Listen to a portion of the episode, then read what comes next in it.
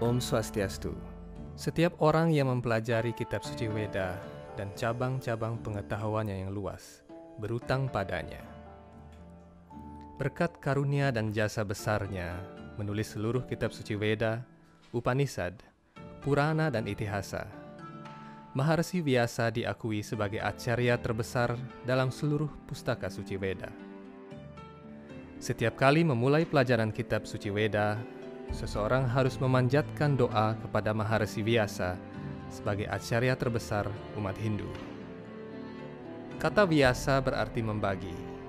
Seorang Maharsi yang ditugaskan oleh Tuhan untuk membagi dan memilah seluruh pengetahuan Weda disebut Weda Vyasa atau Vyasa Dewa. Pengetahuan Weda sangat kompleks.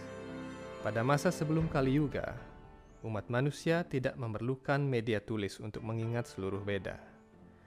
Hanya pada zaman Kali Yuga saja, umat manusia memerlukan catatan dan tulisan. Karena itu, di akhir setiap zaman dua para yuga, akan ada seorang Maharsi Vyasa yang turun untuk membagi pengetahuan Weda. Tujuannya adalah agar umat manusia di zaman Kali Yuga bisa memahami Weda dengan lebih mudah. Oleh karena itu, Maharsi Vyasa adalah sebuah gelar terhormat, bukan nama satu orang Maharsi saja. Bentang pengetahuan Weda sangat panjang dan luas. Sejarah Purana misalnya, memuat peristiwa yang terjadi hingga miliaran tahun lampau saat Manu pertama diciptakan oleh Brahma. Untuk mencatat semua peristiwa ini, Maharsi Vyasa turun dari dunia rohani untuk meneruskan sejarah Weda hingga di masa depan.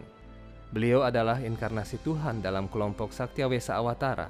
Buat Anda yang belum tahu apa itu kelompok Sakyawesa Awatara, Anda bisa menonton video Hindu Times Channel sebelumnya tentang Kalki Awatara. Hadirnya Maharsi Vyasa membuktikan bahwa Weda adalah ajaran yang abadi, sebab senantiasa dijaga oleh otoritas-otoritas rohani seperti Maharsi Vyasa dan garis perguruannya. Inilah yang dimaksud dengan Sanatana Dharma atau Dharma yang kekal. Sobat Hindu Times, hingga saat ini telah ada 28 Maharsi Vyasa yang turun ke bumi untuk membagi pengetahuan Weda. Dalam satu hari Brahma ada 14 periode Manwantara. Di dalam setiap periode Manwantara ada 71 kali putaran empat zaman, yakni Satya Yuga, Treta Yuga, Dua Para Yuga, dan Kali Yuga. Kini kita berada di Kali Yuga putaran ke-28 dari 71 kali putaran zaman. Karena itu telah ada 28 Maharsi Vyasa yang telah turun sejauh ini. Maharsi Vyasa yang bertugas membagi Veda di zaman ini adalah Krishna Dwaipayana Vyasa, putra Resi Parasara dan Dewi Satyawati. Beliau turun ke bumi pada zaman Mahabharata, atau sekitar 5300 tahun lampau. Kemudian beliau membagi pengetahuan Veda menjadi Upanishad-Upanishad, Itihasa, Purana, Caturveda, dan sebagainya demi umat manusia di zaman Kali Yuga ini.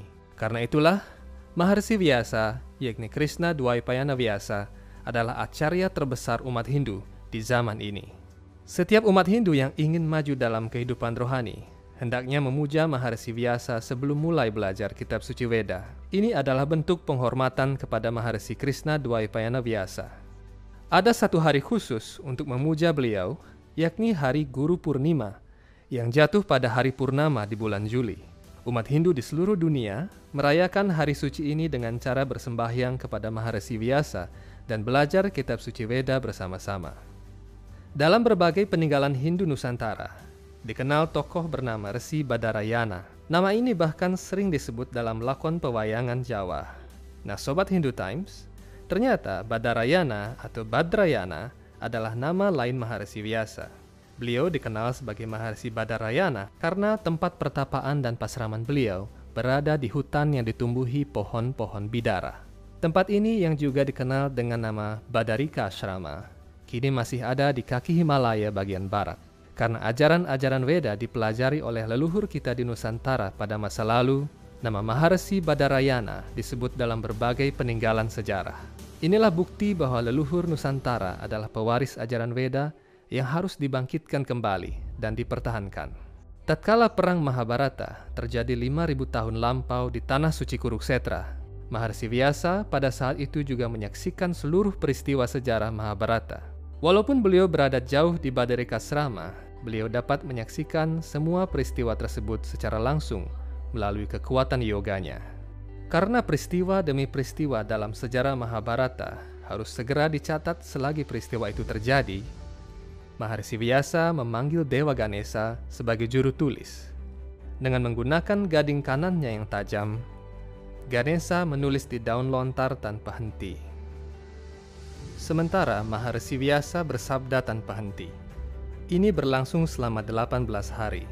100 ribu sloka kitab suci Veda Mahabharata yang kini dipelajari oleh umat manusia adalah warisan sejarah yang sangat berharga dan ajaib dari Maharsi Vyasa.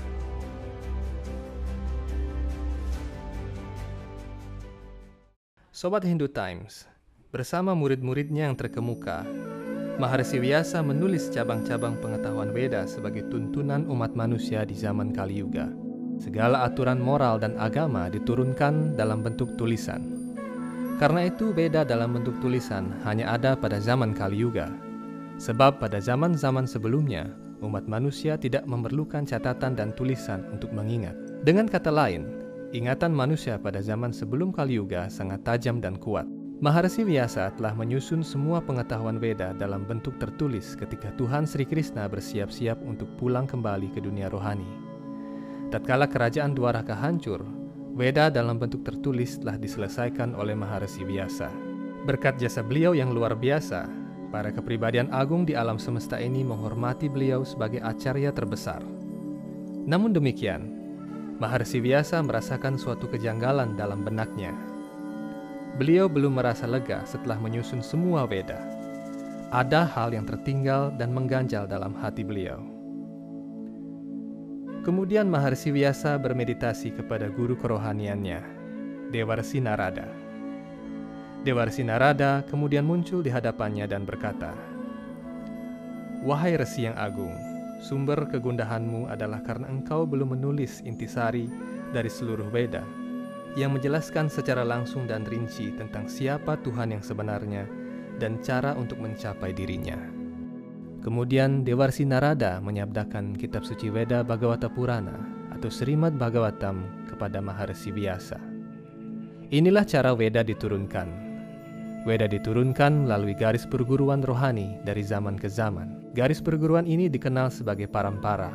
Setiap manusia bisa memperoleh pengetahuan Weda yang murni dan otentik dari garis parampara yang absah dan dapat dipercaya. Garis perguruan dari Maharishi Vyasa adalah garis perguruan Veda yang dapat dipercaya. Setelah menerima sabda kitab suci Veda Srimad Bhagavatam dari Dewarsi Narada, Maharishi Vyasa menuliskannya. Ada 18.000 ayat dalam kitab suci Veda Bhagavata Purana atau Srimad Bhagavatam. Kitab suci Veda Srimad Bhagavatam adalah buah matang dari seluruh pohon pengetahuan Veda. Barang siapa yang ingin mengetahui puncak pengetahuan Veda dan inti seluruh Veda, maka Srimad Bhagavatam adalah jawabannya. Dewarasi Narada kemudian memberikan perintah kepada Maharasi Vyasa untuk menulis kitab suci Veda Srimad Bhagavatam itu yang menguraikan kegiatan rohani Tuhan Sri Krishna sebagai kebenaran mutlak bagi seluruh makhluk hidup, terlebih bagi seluruh umat manusia. Setelah menyusun Veda Srimad Bhagavatam, barulah Maharsi Vyasa menjadi lega sepenuhnya. Semua kebimbangan dalam hatinya sirna. Umat manusia yang mempelajari Veda Srimad Bhagavatam di bawah tuntunan yang otentik dan dapat dipercaya, dia pasti mengetahui rahasia terdalam tentang Tuhan dan cara mencapainya. Karena kitab suci Veda diturunkan melalui garis perguruan rohani, maka siapa pun yang ingin belajar kitab suci Veda hendaknya datang kepada garis perguruan rohani Maharsi Vyasa. Dengan demikian, pengertiannya terhadap isi dan kesimpulan Veda tidak akan menyimpang. Garis perguruan rohani atau garis parampara ini adalah garis kelanjutan guru-guru kerohanian yang meneruskan ajaran Veda sebagaimana aslinya. Karena itu, kitab suci Veda yang otentik tanpa penafsiran duniawi dan tanpa interpretasi duniawi hanya dapat ditemukan dalam garis perguruan rohani Veda. Dengan mempelajari Veda di bawah bimbingan yang dapat dipercaya, semua maknanya yang benar akan terungkap tanpa kesalahpahaman. Demikian sejarah tentang Maharshi Vyasa Dewa, acara terbesar umat Hindu. Sampai jumpa di video-video Hindu Times Channel selanjutnya. Apabila Anda menyukai video ini, Anda bisa membantu kami dengan like, atau jika Anda berminat dengan video-video kami yang lainnya, Anda bisa klik subscribe di kolom bawah.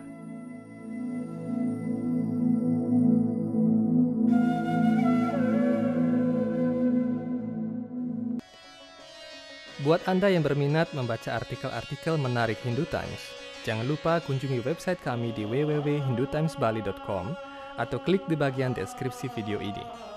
Sampai jumpa di video-video Hindu Times channel selanjutnya. Om Santi Santi Santi Om.